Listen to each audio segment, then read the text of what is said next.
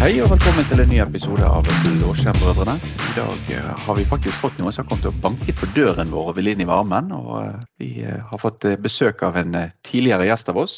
Med meg har jeg Olav Tvedt og Tony Bardalen. Hallo! Hallo! Yo, yo. Jo, ja, det er jo en, ja, det er rundt et års tid siden sist, Tony. Stemmer ikke det? Det stemmer, det. Over et år. Ja, ja, Mm, det er vel ikke så da, lett. da var det på tide igjen, da, vet du. Har du Ja, gjort noe gøy det siste året, da?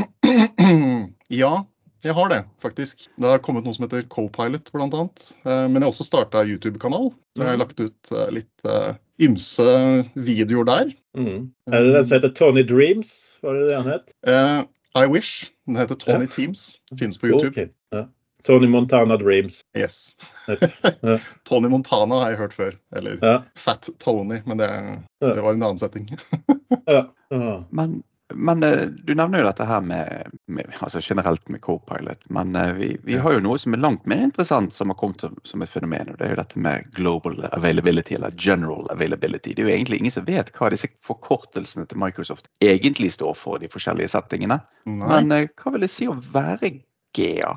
Det å være generelt tilgjengelig, som det heter, det har jeg fått inntrykk av. Det er et begrep som sier at eh, ja, jeg er, jeg er tilgjengelig for diskusjoner, men jeg har gjemt meg inn i et skap og låst døren. Så, så det er en GA for noen, virker det som. Ja, Microsoft har vel kanskje sin, eh, sin take på det. Eh, Selvfølgelig er det tilgjengelig, men du må oppfylle visse krav. Mm. Og er det da generelt tilgjengelig når du må oppfylle krav? Altså, altså, jeg, kan gå med på ett krav, det er at du, du må betale for å få det. Da, da har vi et krav som jeg sy- syns de kan sette, men eh, generelt generelt tilgjengelig må nesten bli et nytt eh, begrep. Da, sånn at de sier at dette er faktisk noe alle kan få, ikke det at de må være eh, kjempedigre eh, firmaer, eller de må tilfredsstille noen kjøpekrav om hvor lang, lang tid de skal ha det osv. Så, videre. så jeg mener liksom generelt tilgjengelig. Eh, da bør det være generelt tilgjengelig. Det, det burde det være. Mm. Eh, Det, det, er jo, det er jo nesten litt, litt morsomt å bruke eksempelet til, til Xbox-serien som kom, og, og PlayStation 5. Sant? Ja, nå har vi lansert en ny spillkonsoll, men du kan bare drite i å få tak i de, for vi klarer ikke å levere nok. Eh, men de er tilgjengelige. Ja, klarer ikke å lage det. Eh, og, og er det egentlig samme problem man har hatt eh, i nye lanseringer? At de har ikke klart å produsere nok datakraft, så de er nødt til å begrense det i volum? Mistenker jo at uh, Vi ser jo det på vår egen kundemasse da, i ICIT, at uh, kundene er veldig, uh, veldig ivrig på å ta det i bruk, mange av de. Og eh, hvis Microsoft skulle gitt fri tilslipp til alle selskaper som ville ha tatt det i bruk, så måtte jo de stacke opp ganske greit i datasentrene sine, da, tenker jeg. Men vi ser jo tjenester sånn som cloud gaming på Xbox. Det er jo blitt en utrolig interessant ting. Du kan jo kjøpe et hvilket som helst smart-TV nesten. I hvert fall eh, har de aller fleste moderne Samsung smart-TV-er integrert Xbox app-støtte. Mm. Så du trenger ikke kjøpe en Xbox, du bare starter opp en tjeneste. Men det er jo beta. Så du kan eh, risikere å bli stående i kø ganske lenge før du får lov til å komme inn og spille spillene dine. Men er det der man egentlig skulle ha vært med, med mange av disse tingene som blir sluppet i GA med betingelser? Eller? Det, det spørs jo litt eh, Hvis, hvis, hvis jeg tar ditt eksempel med, med gaming, da, så prøvde jeg dette her eh, forleden dag. Eh, og da var det et spill som jeg både kunne streame som et Xbox-spill til PC-en min, altså som en dum, eh, dumt endepunkt, og jeg kunne også installere det. Og når du så forskjellen på grafikken du kunne få, eh, så så du kanskje sammenhengen her. det At eh, jeg satt og spilte et spill som så ut som jeg spilte det på PlayStation 2, eh, Mm. eller Xbox original. Eh, kontra det å faktisk installere det på min egen maskin og få full utnyttelse. Så, så der har vi kanskje litt av utfordringen hvis, eh, hvis alt skal streames fra et annet sted. Det er det at det må være datakraft nok til at det blir en god opplevelse. Da. Du våger deg ikke å i det at vi skal installere flere minneoppslukende klienter på PC-en. Jeg sliter nok med Teams som det er. Du må legge inn Copilot-appen for å få full, eh, full utnyttelse av det. Ja. Men det er jo faktisk et poeng, for i den siste lanseringen her så har jo de kommet med bl.a. en AI.exe. Så hvis du, hvis du har Copilot-lisens og åpner OneNote, så vil du se under Process Explorer ikke Taskmanet, men Process Explorer, så ser du at det ligger en AI.exe som en subservice av OneNote. Så eh, du har vel kanskje banket på, på en dør der, Olav. Og her åpner vi jo litt diskusjonen på, på veldig mye. Så er det egentlig GA når man har en begrensning på 300 stykker som må være ansatt for å få det? Ikke bare ansatt, du må ha lisensiert de 300. Sant? Så mest sannsynligvis er du en atskillig større firma før du kan ta på deg kostnaden av 300 eh, Copilot-lisenser. For det, det, koster ganske mye. Da. Så, og spesielt så vil jeg jo sagt at eh, et produkt som er Si hva de vil, men Copilot er en beta. De kan si hva de vil, at det er GA, eh, men når du ser funksjonaliteten nå kontra funksjonaliteten som du vet kommer, eh, så er det eh, bare å skrape på toppen av dette her. Så hvis du skal binde deg for en sånn sum nå, eller for et halvt år siden, da når de lanserte det GA, så ville det vært en ganske høy sum for å være en pilottester. Og det er det jeg føler de, de stakkarsene som måtte betale disse 300 lisensene, de har vært pilottester. Sånn at når jeg er villig til å åpne lommeboken min, så får jeg et mye bedre produkt. Og da har andre betalt for utviklingen som gjør at jeg er fornøyd med å bruke det produktet. Så, det er litt, sånn, sett, så... litt sånn det er å være en, en early adopter. da, At man mm. tar i bruk teknologi ganske tidlig. Ja. Um, da tar man i bruk noe som er egentlig uferdig. Mm. Men early adapter-programmet, hvis vi ser på Asher, så får du alltid den der Nå har vi lansert en ny funksjonalitet. Du kan bli en early adapter, og da mm. får du bruke det gratis en viss periode. Mm. Eh, og når det blir GEA, så kommer licensing-modellen. Og nå, det, det, har jo ofte gjort meg ganske irritert, for at, eh, jeg har sett noe jeg har lyst til å prøve. Eh, du tester det ut og finner ut at dette er perfekt for oss, og så kommer prisen, og så sier du nei, jeg vil ikke ha det likevel. Sant? For det er ikke mm. så flink til å avsløre prisen før du tar det i bruk. Så, så akkurat nå følte jeg det at du, du, du ble liksom early adapter, og du ble dobbeltstraffet. For det, det, var ikke bare det at du var et stort firma som ville teste det ut, men du måtte kjøpe 300 lisenser. Og hvis jeg husker riktig, så måtte du også kjøpe det for tolv måneder i starten, og så gikk det ned til seks måneder etter hvert. Som gjorde at mm. du betaler ganske mye da, for å være en early adapter, og ikke minst hjelpe til kanskje å trene opp disse modellene. Eh, finne svakheter, effektivisering og sånne ting. Så man betalte mye for dette. her, og, og jeg setter jo stor pris på at noen var villig til å gjøre det. for Derfor har produktet blitt bedre i dag enn det var i går. holdt jeg på å si. Ja. Og det blir sikkert mye bedre om ett års tid igjen, når enda flere bedrifter har tatt i bruk og de ser um, hvor Uh, hvor flinke folk er til å ta det, ta adoptere kunstig intelligens da, og, og, bruke de produktene sine og se hvor mye data de kan få ut av det. Og um, mm. Vi ser jo selvfølgelig bruksmønstrene etter hvert. Og, Men eh, ja. det, det, der er jo et kjempeviktig poeng. Sant? Altså Produktet skal bli bedre over tid. Det er jo nøkkel. sant? Mm. Men skal det også bli billigere over tid? Det er jo hovedregel for IT-tjenester. sant? Altså, hvis, hvis, man tenker på hva en Blu-ray-spiller kostet, sant? siden du var en early adopter-konsept her, Olav, så en tidlig Blu-ray-spiller kostet jo aldri under 5000 kroner du fikk spille av de tre filmene på, på Blu-ray som fantes. Men produktene blir bedre, prisen går ned. Men har prisen gått ned på K-Pilot, Tony? Den har vel ikke det.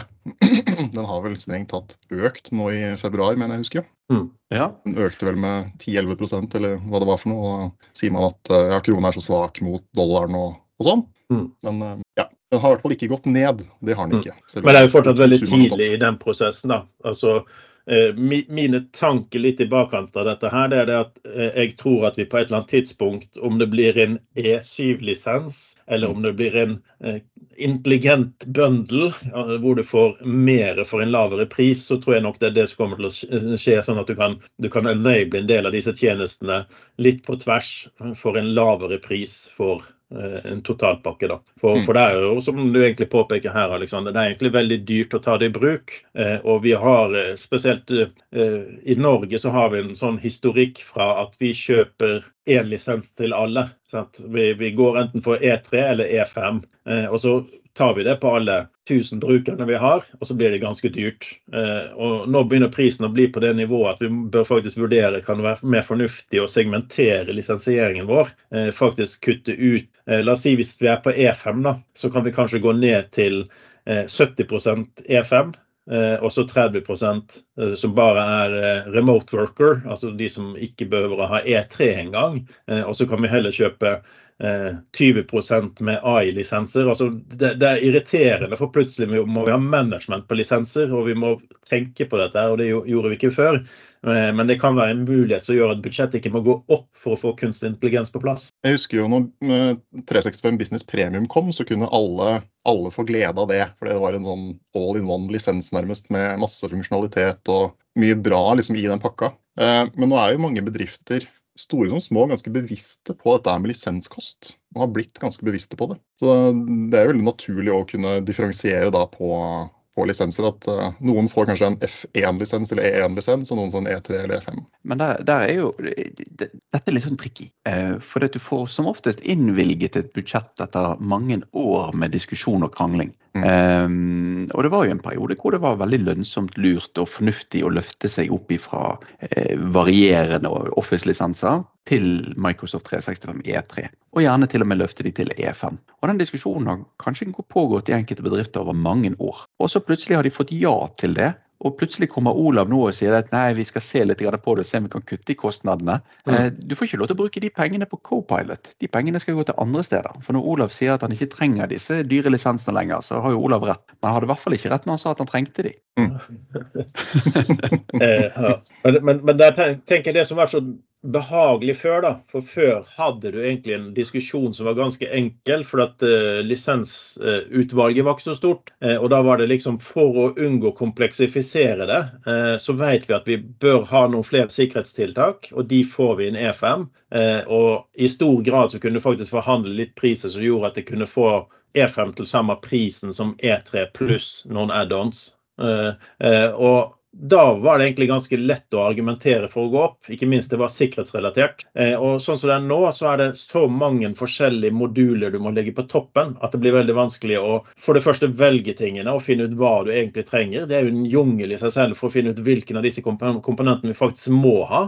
Eh, tidligere så kjøpte du E5, og så brukte vi, vi, også, så brukte vi ca. et år på å implementere de funksjonalitetene i E5 som vi så at vi trengte, og vi lærte oss underveis når vi satt med dette. her, Så da, så da hadde vi god tid til det. Men nå må du liksom kjøpe den, kjøpe den, kjøpe den, kjøpe den, og så skal du mm. finne ut hva trenger vi, hvordan slår vi på det, hvordan får vi tatt det i bruk. For det er jo det verste som finnes. Hvis vi nå kjøper AI til 300 brukere, og så viser det seg at det er 200 av dem som ikke bruker dette her til annet enn å google, eller erstatte Google med, med søk. sant? Altså, hva, hva, hva, skal vi bruke det til? Eh, hvem skal bruke mm. det? Og hvordan skal vi få det tatt i bruk? Det er jo egentlig der utfordringen ligger nå når vi ser at det vil komme en kostnad. Så vi må beskytte kostnadene med å, å finne en god uh, verdiøkning. Da. Det gjør det absolutt. Um, det handler jo litt om det med å bevisstgjøre i bedriften på mulighetene med co-pilot, eller med de verktøyene du legger til rette for brukerne. Mm. Og Da kommer liksom opplæring, som jeg brenner veldig for, da, inn i, inn i bildet. Og at du legger en plan sammen med, sammen med brukerne. Mm. Men kanskje vi skal ta et lite skritt tilbake igjen her, og så skal vi eh, jeg, har, jeg, har, et spørsmål. Jeg tenkte liksom, Nå har vi snakka litt om E3, E5 og sånn. Men ja. E5, er det viktig for Copilot? Altså Er det en sammenheng der? Ja. Og Derfor tenker vi, la, la, la, eh, du, du, kan jo forklare litt uh, hva i Microsoft 365 Copilot syns du gjør at det er verdt å i det hele tatt vurdere å implementere det? Hva, ja, hva i Copilot? Det er jo en ganske stor pakke. sånn, altså, det, det, er dessverre en litt sånn on-off-funksjon. Uh, men uh, hvis du tenker som en bedrift, hva hadde jeg tjent på å kjøpe disse 300 eller 900 lisensene, avhengig av Eh, hvordan jeg tenker på det. Hva, hva, hva, gjør at jeg ville lagt ned eh, lommeboka eller sjekkheftet mitt og skrevet ut eh, pengene? Ja, godt spørsmål. Og det er jo det som egentlig er en liten sånn digresjon. da. Jeg har aldri opplevd et produkt fra Microsoft som er så polariserende som Copilot. Enten så elsker du det, eller så lurer du veldig på hva du skal bruke det til. Det er måte den, også de spørsmålene vi får fra kunder. Ja, men kan du, kan du vise til noe, på en, måte, en Eh, effektivisering i arbeidshverdagen. Og det er vel, hvis man tar de 300 kronene en lisensen koster i måneden, sånn røftlig, og så fordeler du det utover hele måneden, så er det ikke mange sekunder hver dag med økt effektivitet som skal til. Og Hvis jeg slipper å bruke en halvtime da, på å lage grafer i Excel, så har jeg mm. allerede der spart inn godt med tid. Eller jeg slipper å bruke tre timer på design and powerpoint basert på en mal i selskapet. Så jeg sparte en halv dag bare der. Og det er jo, allerede der er jo Copilot tjent inn. Mm. Men eh, vil ikke vi der kunne ha tjent inn dette her med å lage bedre firmamaler i PowerPoint? Um, hvis vi kommer dit, så skal jeg være enig. Men er enda til det gode å se én firmamal som, som, gjør mye av den jobben og uh, hva skal man si, formateringa for meg. Du kan kondensere ja, ting ned, og kan ta mm. bullet points inn i um, det notatfelt og sånne ting. Mm, ja. Som lager en god, god presentasjon. Ja, Det jeg ja, jeg er skjønner, skjønner den, sånn, for selvfølgelig, altså Firmaet vil jo bruke malen sin for at det skal være ø, universalt utseende, men du bruker kunstig intelligensen til å la innholdet i malen Yes. bli bedre seende ut. sant? Yes. Så, ja. Innenfor disse rammene så kan, kan du operere Mm. fritt. Mm. Men, men er det enkelt nok, da? Altså, du snakket om det å lage eh, grafer i Excel. Eh. Jeg har en, prøvd en del sånne eh, kunstige intelligenser eh, som krever mer av meg enn å bare gjøre det selv. Eh, sånn at det blir tungvint å sitte seg ned og gjøre tingene. Men er, det en engangs, engangsopplæring for meg selv å bli flink til å lage grafer med AI, eller er det sånn at det krever noe hver gang jeg skal lage en ny graf med litt annet innhold? du må jo vite litt hva du, hva du vil oppnå. Da. Mm. Um, det er det som er det fine med AI, at du, du kan jo stille spørsmål, du kan skrive hele setninger. Og du kan liksom definere og formulere setningen ut fra det du vil ha, og så selvfølgelig håpe på da, at det blir sånn som du vil ha det. Men da kan du jo også uh, fortelle AI at uh, nå jeg skulle gjerne ønska det litt mer freshere farger, eller opp ned, eller jeg skulle sortert det sånn og sånn. Og så, og så gjør den det for deg, istedenfor at du må knote inn Excel og finne ut hvordan gjør jeg om på dette her manuelt. Mm. Jeg ser, ser jo En av de store utfordringene jeg har hatt når jeg prøvde å bruke diverse tjenester uh, av ChatGPT og, og andre OpenAI-relaterte ting, f.eks. med å generere et bilde, eh, Mm. så ser vi det at eh, det å skrive inn syntaksen riktig er nesten som å programmere. Mm. F.eks. For eksempel så liker han ikke negativiteter som sier 'uten skjegg'. Altså Jeg prøvde å generere et bilde en gang, og så prøvde å si 'uten skjegg', og det skjønte han ikke. Det var, da var det 75-80 var med skjegg, selv om jeg Mm. hadde spesifisert nei, jeg vil ikke ha skjegg. For guds skyld ikke ta med skjegg. Og det kom skjegg hver eneste gang de lagde et bilde. Så er det fortsatt litt sånn du, du, må, eh, du, du må trene deg selv opp til å trene AI-en din til å klare å lage det du vil ha.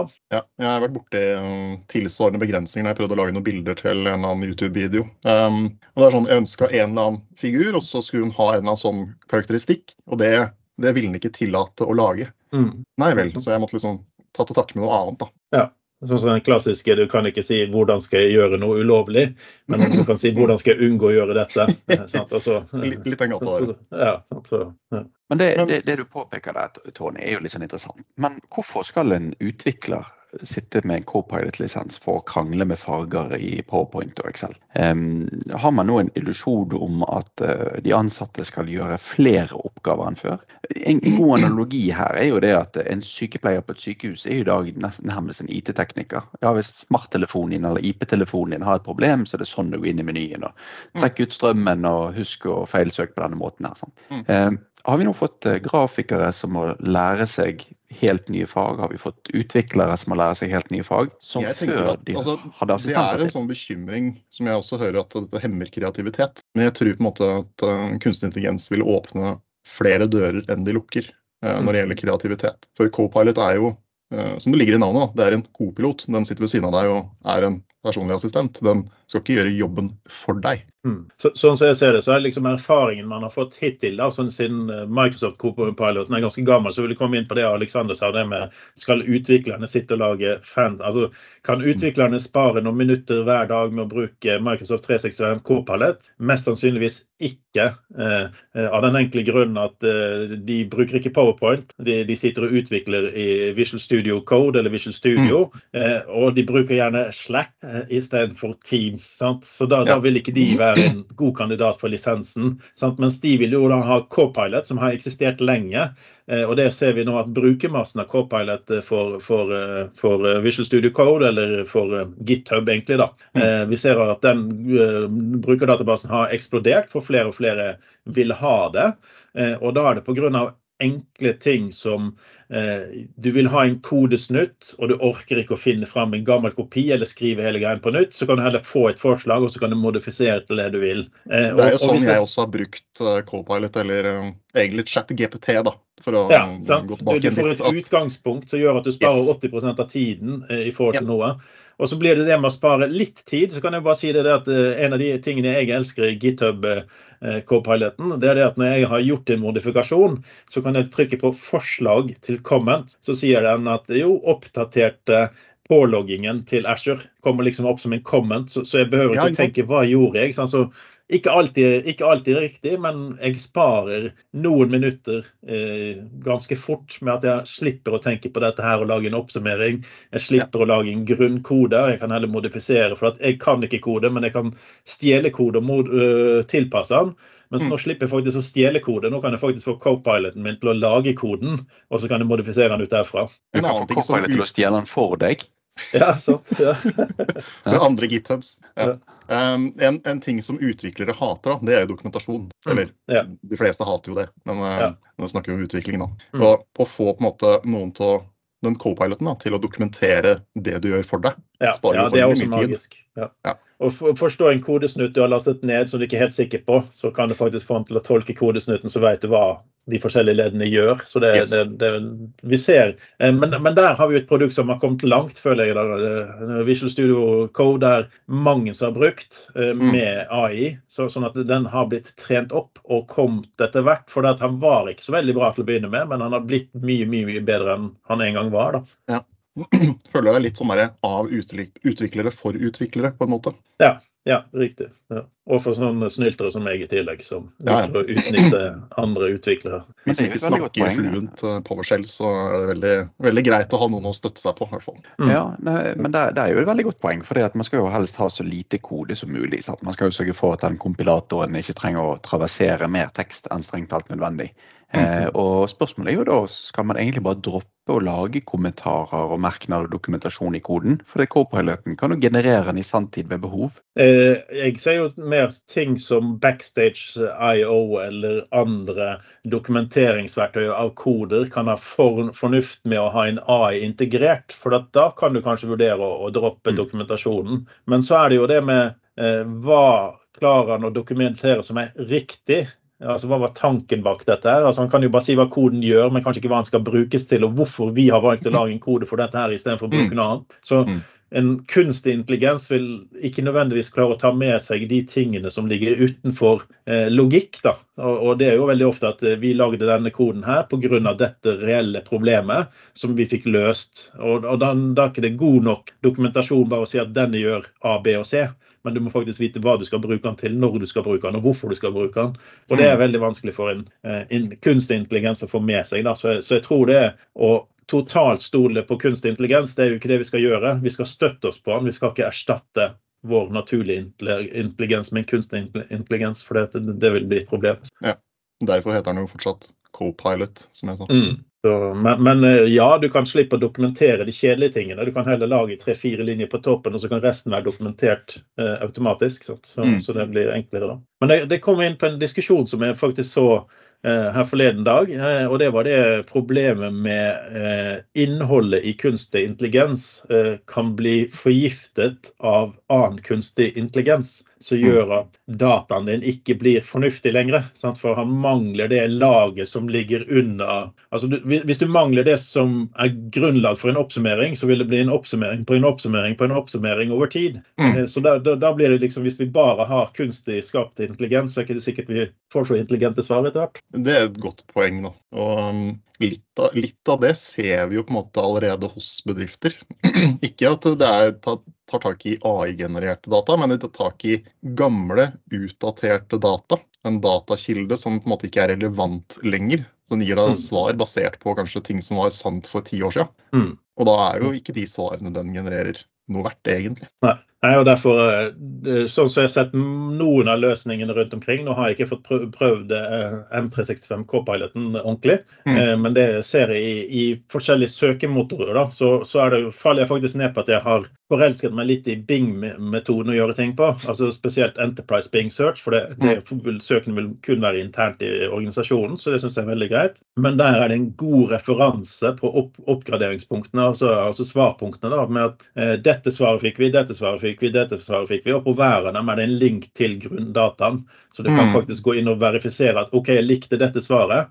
La meg lese mer om hvorfor han kom til dette svaret. og Så kan du gå inn der så kan du finne at det, okay, det er kanskje noe vi må utfylle med dette her. Eller vi kan stole på det eller ikke stole på det. Så mm. Den referanseoppgivningen føler jeg er veldig viktig hvis du skal kunne, kunne stole på grunndataen din. Men da, da, må du også vite at den siden du kommer til, ikke er AI-generert osv. Så, videre, så, ja, ja. så det, det, er en del utfordringer. Men jeg ser jo Microsoft i, på Microsoft Learn så er jo mange av de artiklene der, eh, eller mye av innholdet, kan være AI-generert. Mm. Og det får du advarsel om òg. Ja. At dette innholdet kan være AI-generert. Mm. Men det burde ikke stått 'kan være'. Enten er det, eller så er det ikke. De må jo jaggu vite om de har generert eller ikke generert det.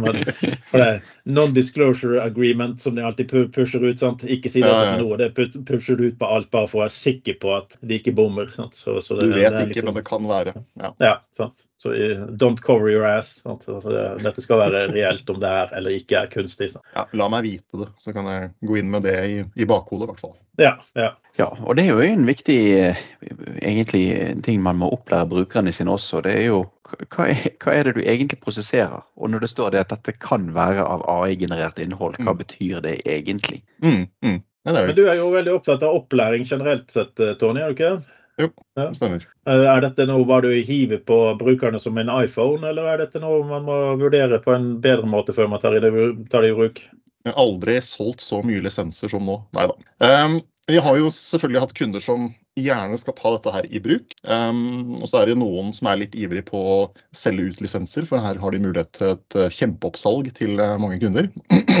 Men det er jo der på en måte man må trekke litt i bremsen, da. Mm. Jeg la ut en video for snart to uker siden på YouTube-kanalen min hvor jeg går litt gjennom eh, tre ganske viktige punkter egentlig for å mm, før, du liksom tar i bruk Copilot og ruller det ut i bedriften din. Mm. Eh, Vi har jo vært gjennom en type pandemi som gjorde at vi tok i bruk Teams og lagra masse filer der. Eh, Vi ser at mange bedrifter har flytta filserveren sin ut i Teams og SharePoint og liksom tatt med all historikken ut i skya, altså kvitta seg med det on premise-greiene, for det trenger vi ikke lenger. Nå er alt i sky, gullet godt. Og Så kommer dette co-pilot-greiene som skal operere på disse dataene. Og så er vi tilbake igjen til det med eh, er det så lurt? Um, her har du kanskje gamle feriebilder fra folk som ikke jobber her lenger. Du har mye gamle data, du har produktdatablader for produkter som ikke eksisterer lenger. Du har mye greier, ikke sant. Så første punkt er jo egentlig det å ha kontroll på, på dataene i bedriften. Mm. ak akkurat der er det et litt sånn gøy, gøyt punkt. For at eh, i, sikkert i 20 år nå så har jeg gått rundt, og sagt at eh, brukere bør i prinsipp ikke ha en hjemmekatalog. Mm. For det du lagrer på, det du lagrer på jobben skal være jobbrelatert, så det bør gå inn i en filstruktur eller et SharePoint-site eller et eller annet som er relevant mot den oppgaven du har. Eh, Mm. Men det du nevnte nå, det er liksom hvis du da hadde lastet opp eh, feriebildene dine på et såkalt fellesområde, Mm. Eh, og ikke minst i migreringsprosessen så kan det være at denne filserveren var det bare jeg som hadde tilgang på denne mappen. Men i Mm. migreringsfasen så har det blitt en ny overliggende struktur som gir andre tilgang til denne mappen. Og Yes. plutselig så får de se på mine feriebilder. Stakkars. Ja, og jeg har jo sett det at um, fellesområdet på en server er jo fritt strukturert etter innfallsmetoden.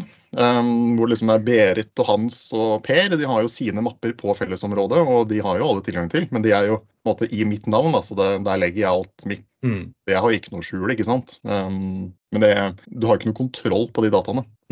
Og du kommer inn på det du snakket om med flere kopier, gammel, eh, gammel informasjon. Ja. Sant? Altså Hvis et dokument har blitt utviklet med å bli kopiert hver gang det har blitt fornyet, så har du fått en nytt filnavn eller ligger i en ny mappe, så vil søkeresultatet gi deg alle tre versjoner av samme dokument og oppsummert. og så Mm. hvem, hvem er mest riktig, hvem er mest gal. spesielt når vi ser at old. Ja. V2, ikke bruk denne. Ja. Um, vi ser jo det at også når eh, noen bedrifter har tatt og migrert over filområdene sine, så har de dratt inn i Teams eller dratt inn i SharePoint. Og Hva er det som skjer med datostemplingen på filene da? Jo, den blir overskrevet. Så du har ikke noe historikk på datostempling lenger heller. Mm. Alt ser ut som det er flytta i 2020, ikke sant? Og eh, alt var oppretta da. Men Det var um, egentlig fra 96, og så står det 2020. Sant? Nettopp. nettopp. Um, Mm. Så det er liksom litt med det første punktet vi må snakke med kundene om, da. Det er å ha faktisk kontroll på data. ja. og, og resultatene blir jo sånn som hvis du f.eks. søker i Teams eller i Outlook for å få fram informasjon eh, Mm. som du kanskje skal videresende, da, så vil jo du få alt det du har tilgang til. Eh, Ting du ikke har tilgang til, vil ikke dukke opp i ditt resultat. Nei. Men alt annet vil jo dukke opp i ditt resultat, så der, der kan det ligge sensitive ting. Mm. Eh, som du kanskje ikke skal sende ut til eh, kunder eller ansatte eller hva det skal være. Mm. Og så litt, Mm. med litt uflaks så har du lagt med eh, lønnsdiskusjoner med Tony Bardalen sant? 2023. Yes. Sant? Altså, eh, det, det, det med å få kontroll på dataen er jo start nummer én. Da, sånn som vi ser det hos oss. Så er det eh, Microsoft 365 Copilot blir litt vanskelig å ta i bruk på en stund. Mm. Eh, Men egengenererte co-piloter som baserer seg på datamengden vi vil bruke i Mm. reelle scenarioer, er jo mye lettere å starte med for, for vår del. For da slipper vi å gå gjennom 200 år med data. Vi har jo 200 år, vi ble det i fjor. sant? Og da, det, jeg tror vi har en filserver som faktisk blir drevet med hest og kjerre, så, så vi, har, eh, vi har gammel data. Ja, du kjenner problematikken. Ja. Å, Det det er så kjedelig når du flytter data med høygafler. Åh, det er litt dritt, altså. Det var tider, det. Ja. Det leder meg over til egentlig punkt nummer to. da, At eh, du må jo også beskytte dataene dine. Mm. Og mm, jeg kalte punktet i, i videoen min for brukbeskyttelse. Så kan man tolke det dit man vil. Men det handler jo litt om, når vi snakker om E5 og liksom den typen lisenser, er du lisensiert nok for å kunne ta i bruk riktig beskyttelse på, på dataene? Og um, hvor stor grad av automatikk vil du ha på det? For nå er det jo sånn at hvis du bruker det som heter sensitivity labels i bedriften, og du beskytter et dokument med en label, så tar jo Copilot hensyn til det og arver den sensitivity-labelen. Mm. Så du kan da sette på eh, DLP policies, da, som gjør at eh, OK, det var kanskje en lønnsdiskusjon med, med meg i fjor. Eh, Den er beskytta, og den skal ikke ut av bedriften. Mm. Så han arver jo på en måte de, de retningslinjene. Mm. Men da er har vi plutselig sånn- to, to mekanismer til som er på plass. Vi må ha selve labelen, og så har vi noe som stopper den labelen fra å gå ut. Mm. Og han vil fortsatt ikke stoppe meg fra å bruke copy-paste på å lese dokument og lime det inn i en annen. Sånn. Så, så det krever Jeg vil si at det kommer veldig mye an på mange forskjellige nivåer her. Da. Så da kan man bruke eh, DLP-regler som forhindrer ting som kan være sensitive, basert på innhold. F.eks. personnummeret ditt vil med stor sannsynlighet stå inne i noen av disse dokumentene, kanskje. Eh, Så, så det, er, det, er- det er flere ting man må tenke på. Sant? Så hvis man slår dette på i dag, bare for at man hadde råd til å kjøpe lisensen, men ikke har gjort noe verken med kontroll eller beskyttelse, Ja. eh, så har du veldig mange ting du bør tenke på. Da. Så det, da kommer vi tilbake igjen. Når skal du faktisk ta dette i bruk? Ja, absolutt. Det handler litt om bevisstgjøring også da, for personer. At de ser at dette da, datasettet her jeg baserer eh, resultatet på, det er faktisk beskytta. Så kanskje jeg ikke skal sende det ut. da, At du gjør Mm. en sånn bevisstgjøring av, ja. av brukerne. Mm. Ellers så har ikke de noen sjanse til å vite om dette her skal ut, eller om eh, det er public domain, eller om det er intellectual property som er beskytta. Mm. Og det- det, det jeg er litt vanskelig i den, eh, men den nåværende statusen, det kan eh, kanskje hende at det endrer seg, det er faktisk det med når du slår på K-Pilot for M365, så slår du på alle grunndatainnsamlinger. Det er ikke sånn at du Mm. kan si at vi skal kun bruke dette i mailboksen vår. Ikke Mm. SharePoint. Du har ikke den eh, beskyttelsen eller muligheten til å ta noe i bruk uten at han har integrert seg med alle datagrunnlagene han har liggende under. Da.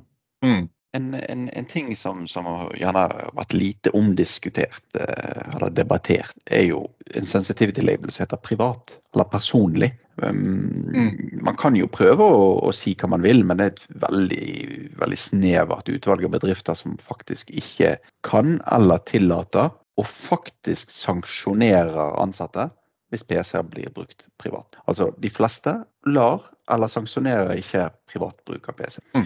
Og eh, om det er bryllupsinvitasjoner, konfirmasjonshefter, om det er uansett hva det måtte være. Om det er masteroppgave som skal skrives, ikke plagieres, viktig å påpeke.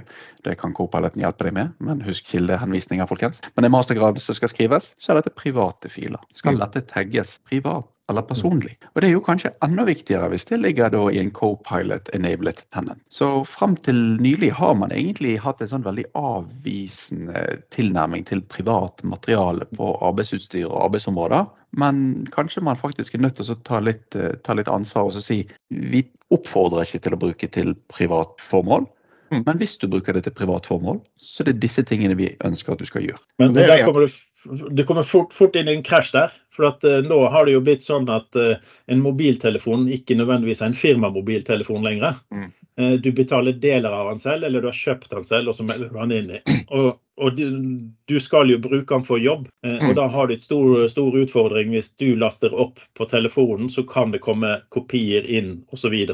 Sånn, så vi har liksom det med å bring your own device-tankegangen. Eh, mange tenker at det er en PC-ting, men det har jo mest først og fremst blitt en telefon-gadget-ting. eh, Mm. Og da er det veldig vanskelig å holde seg unna at du tilfeldigvis lastet opp på eh, business OneDriven istedenfor privat OneDriven, for det var der settingen var slått på, eller bedriften har slått på at sånn skal det være? Det er en ting jeg utfordrer også brukerne på under opplæring. Det er jo at um, Jeg nevner det som Alexander sier, med at det er en forskjell på privat og personlig. Mm. Og Så lar jeg den henge litt i lufta, og så spør jeg de hva mente jeg nå? Og så grubler de litt, og så diskuterer de litt, og så veit de egentlig ikke helt hva som er forskjellen. Mm. Så det private det er de feriebildene. ikke sant? Det er da vi var på Granca i 2011 og, og kosa oss. Og det personlige det er det som er på en måte omhandler meg, men jobb relatert fortsatt. Mm. Ja, At du har tatt bilder av, av, eh, bussbilletten din når du var ute på en jobbreise og lastet opp mm. til OneDriven. Det en, mm. det er en personlig ting. Altså, ja. det, er ikke, det, er ikke, sånn at alle trenger tilgang til kvitteringen for bussbilletten,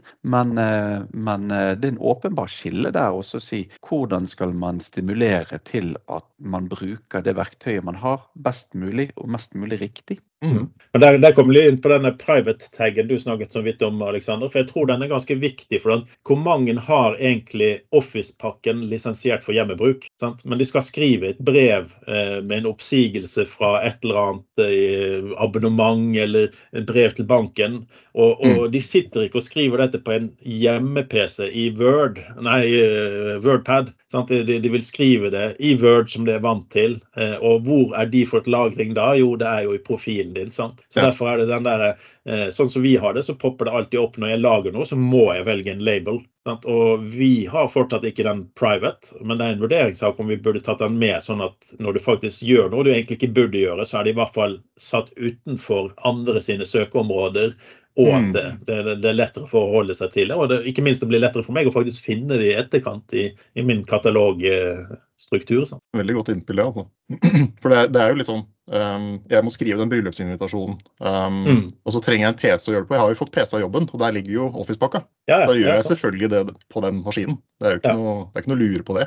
Ja, altså Det hadde jo vært litt eh, miljøkriminalitet hvis vi hadde forventet at alle skulle ha dobbelt med PC-er til enhver tid for at du skal gjøre dette hjemme. Altså Noen har jo mm. en gamer-PC, men folk flest sitter jo med gjør veldig lite på PC-en, så de gidder ikke å ha en PC stående bare for at jeg skal lage en bryllupsinvitasjon. Bortsett fra Alexander, da, som giftet seg i fjor. Så han måtte jo ha kjøpt seg en ny PC for han ikke ville at denne skulle gå ut til feil kilder. Det gikk veldig heftig for seg, for jeg måtte ikke bare kjøpe min egen PC, jeg måtte kjøpe egen telefon òg. Måtte ha to telefoner, jobbtelefon og privattelefon. For jeg kunne jo ikke lagre, kunne ikke sende ut disse invitasjonene på farten og lese privatmail på jobbtelefonen. Så det var snakkelig, nei. Tok det, tok det rett av bryllupsbudsjettet?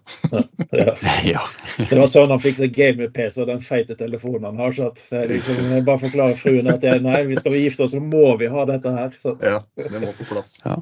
Men, men, det er faktisk en problemstilling jeg tror veldig mange, eh, veldig mange har blitt overrasket over at kan oppstå. Det er hvilken informasjon er privat, hvor mm. skal den ligge, og, mm. og, hva forventninger de ansatte har til hva de får lov til å bruke utstyret til. Det mm. var, var, i en diskusjon, en kundediskusjon. Men dette er ikke noe rett eller galt. Det er ikke noe, det er ikke noe fasit på dette her nødvendigvis, men man har forskjellige innspill og meninger. Men standpunktet hos denne bedriften var at vi skal ikke bruke utstyret til privat. Punktum. Mm. Med andre ord, eh, man skulle ikke ha Spotify på enheter kjøpt på jobben. Eh, og så spurte jeg da gjelder dette også telefonene, og da begynte jo diskusjonen å gå. Da eh, var jo liksom sånn ja, men vi skal jo ikke ha Spotify på PC-ene. Er det en grunn til at vi ikke skal fjerne det også på telefonene? Eh, for vi kan jo pushe dette fra firmaportal, vi kan jo gjøre det så sikkert som vi bare kan, men du kan aldri være 100 da. Men diskusjonen var da det at nei, PC-ene det, det, var noe annet enn telefoner. Så ja, det, det, det håper jeg nå virkelig at, at, det er noe annet. Men, men det, handler liksom om at man forskjellsbehandler utstyr basert på en mm. frykt som gjerne ikke er reell lenger. Mm. Men har, har telefonen mindre tilgang på bedriftens nettverk enn PC-en din? For eksempel, sant? Han har jo mm. kanskje til og med mer. fordi at eh, der var du, ja. Mm. Så, så, konklusjonen var den det at eh, de måtte låse ned og stenge ned veldig mye.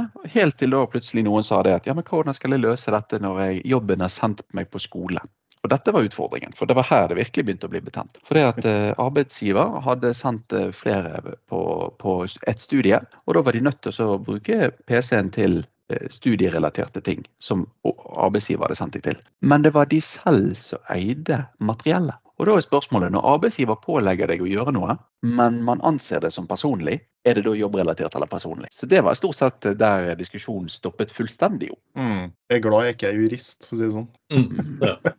Men det kommer jo egentlig inn på det at eh, vi har snakket om kontroll og beskyttelse. Eh, men opplæring er jo da eh, det man virkelig må fokusere litt på her. Eh, og det er egentlig manglende opp opplæring over mange år som er grunnlaget til at opplæringen blir tyngre nå enn han burde ha vært. For at opplæring som f.eks. finner ut hvor, hvor skal vi lagre, hvor skal vi ikke lagre.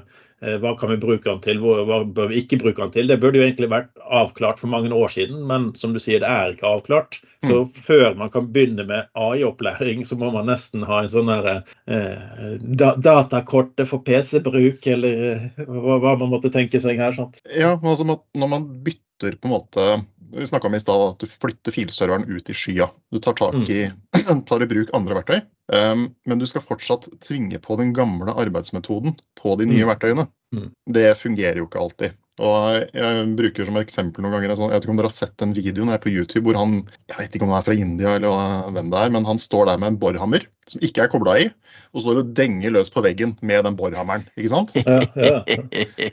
Han Som har et fantastisk verktøy som han ja. bruker helt feil. Ja. Hadde han bare plugga den i og fått riktig opplæring, så hadde jo han fått mye mer valuta ut av den borhammeren enn eh, enn den denginga på veggen. Mm, mm, mm. Det er et sånt fint bilde på, på hvor Mm. viktig det er da, at de som skal bruke verktøyene, får eh, innføring i hvordan de skal brukes. Og Det ser vi også gang på gang, at folk har tatt i bruk SharePoint. Um, men de roter fortsatt i fileutforskeren. Ikke at det er noe feil å synke filer i fileutforskeren, men de belager all arbeidsmetodikken sin på den gamle måten å jobbe på.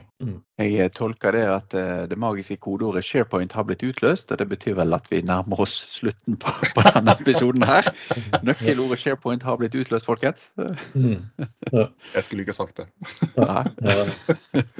Men det viser jo det e- egentlig at vi har eh, i, i Copilot eh, så ligger det mange fantastisk gode verktøy, eh, men det må være en gjennomtenkt innføring. Eh, Og nå, nå er det faktisk mulig, da, for det, nå er det jo generelt generelt tilgjengelig. Eh, For nå kan du faktisk kjøpe den ene lisensen du vil ha for å begynne å utforske, sånn at man kan ha en fem-ti lisenser til nøkkelpersoner som faktisk kan finne svakheter mens de sitter og tester ut dette her. For eh, realiteten er jo det at hvis du tenker at du skal sikre dataen din uten å ha noe verktøy å sjekke om du har sikret dataen på, så blir det veldig vanskelig. For at du tror at alt er perfekt, så kjøper du 300 lisenser, tut og kjør, eh, så har du fort bommet. Så derfor kan man nå kjøpe noen lisenser eh, til nøkkelpersoner som skal sjekke ut om er dette trygt, er dette farlig, er det noen mer ting vi har glemt oss å sikre. Eh, Så det er, det er mulig å starte med dette her og så se hvor bra verktøyene er. Og så har man jo eh, Er det fortsatt Enterprise Bing de kaller det? Jeg mener de renamet det her forleden. Så, så, men det er i hvert fall Bing for Enterprise som gjør at du kan ha OpenEye, chat ChatGPT-funksjonalitet uten å sende ut dataen din på utsiden. For det er jo det som er en stor fare med AI. Det er at det du lager eh, og putter inn i en åpen opplæringsmodell, eh, det Mm. blir brukt til å lære opp noen et annet sted, sånn at andre kan finne det du sendte ut. Sant? Så, så vi må tenke litt på hvordan sprer vi oss. Derfor er det viktig å få disse verktøyene på plass. Hvis ikke de vet at vi har alternativer, så bruker de de åpne gratis, kanskje, eh, Mm. som eksponerer dataen vår for omverdenen. Ja, det er jo det er jo, jeg ser jo det at det er jo mange co-piloter der ute. Det er jo ikke bare én co-pilot, det er jo flere. Og Mm. bruke på en måte de riktige, og da går vi inn på opplæring. da. Hva er, hva er den riktige co-piloten for deg, kjære Gunne? Hva, hva skal du bruke her nå? Mm. Det var faktisk en utrolig god avslutning på trenger alle E5 eller E3, liksom. E7. Jeg glemte E E7. E7. E7. Ja, ja, Det kommer neste år, gjør det ikke? I GA. ja, ja. Nei, men dette var Jeg håper veldig mange klarte å catche noen ideer om hva man bør tenke på rundt uh, Copilot. Og kanskje man fikk noen litt sånne ja, Til de som ikke har tatt diskusjon rundt personlig mot privat, så har man fått noen, eh, noen eh, forskjellige argumenter man kan ta med i ryggsekken når man skal gå inn i den diskusjonen. Mm. Og så har man kanskje fått noen ideer om hvor man skal begynne for å beskytte informasjon og drive med brukeropplæring. Og, selv om det kan høres sånn ut, så eh, er ikke jeg eller ingen her er egentlig imot kunstig intelligens og, eh, og co-piloter. Eh, det er bare det at vi mener at du må være bevisst på det. For jeg er veldig for at dette må på plass, og vi må ta det i bruk. Men det må bli tatt i bruk på riktig måte, sånn at man ikke tror at vi er sånne surmagede som vi pleier å være, og ikke vil at noe ny teknologi skal komme inn og ødelegge den gamle. Men eh, her har vi faktisk et par fantastisk verktøy som bare vil komme kraftigere framover. Absolutt. Veldig godt poeng. Nei, men Da sier jeg tusen takk for denne gang. Og så håper vi å ja, å regne. og Nå vet jo alle Tony hvor vi bor, Bror, så han kommer på besøk neste gang eh, i løpet av kort tid eh, også for mer informasjon og nyttig innspill. Det gjør jeg, vet du. Yes. Ha det. Ha det Ha godt. det.